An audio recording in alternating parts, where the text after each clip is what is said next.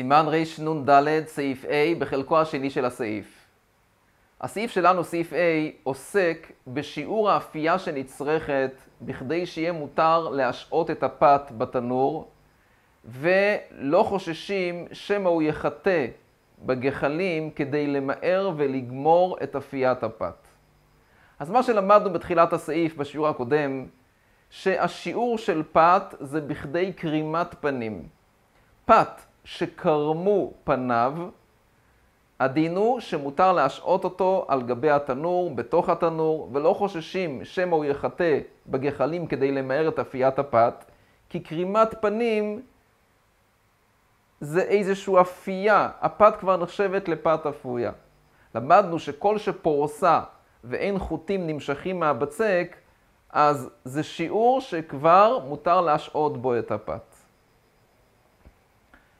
בשיעור שלנו נעסוק בעזרת השם בחלקו השני של הסעיף, של סעיף A, אז נלמד בעזרת השם שאדם שעבר ושעה במזיד את הפת בתנור לפני שקרמו פניה של הפת, הדין הוא שאותה פת אסורה באכילה עד מוצאי שבת בכדי שיעשו.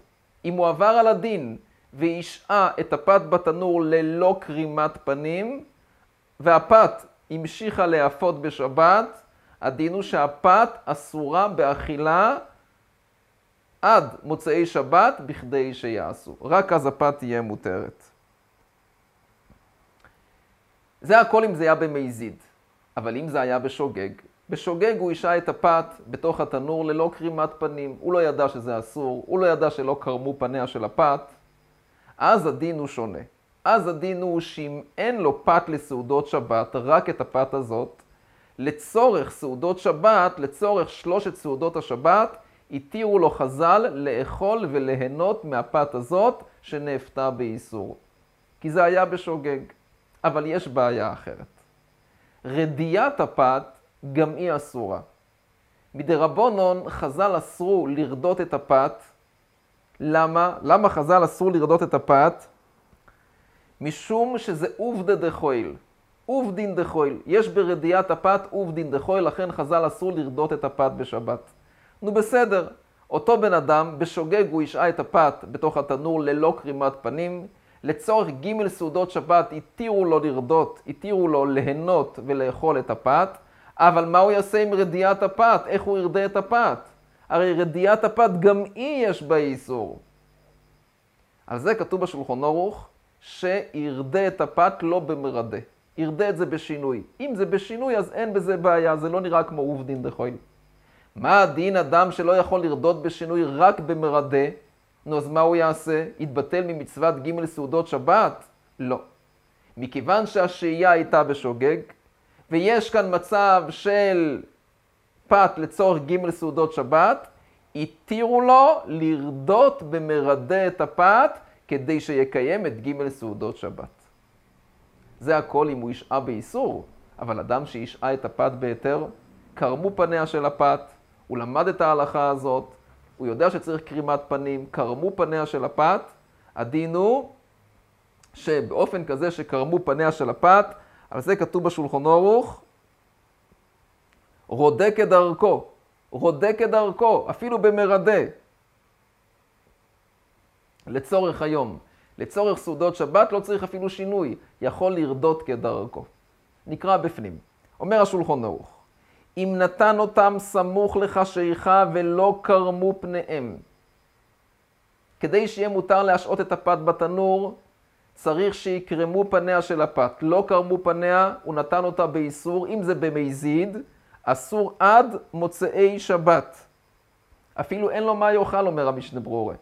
אסור לאכול וליהנות מהפת הזאת עד מוצאי שבת בכדי שיעשו. ואם בשוגג, אם בשוגג הוא ישעה את הפת בתנור ללא קרימת פנים, פה כבר יש אתר. אם אין לו מה יאכל, מותר לו לרדות ממנו מזון שלוש סעודות. ואומר לאחרים שאין להם מה יאכלו, בואו רדו לכם מזון שלוש סעודות.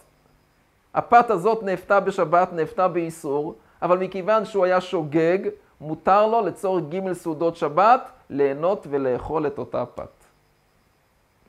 וכשהוא רודה, לא ירדה במרדה.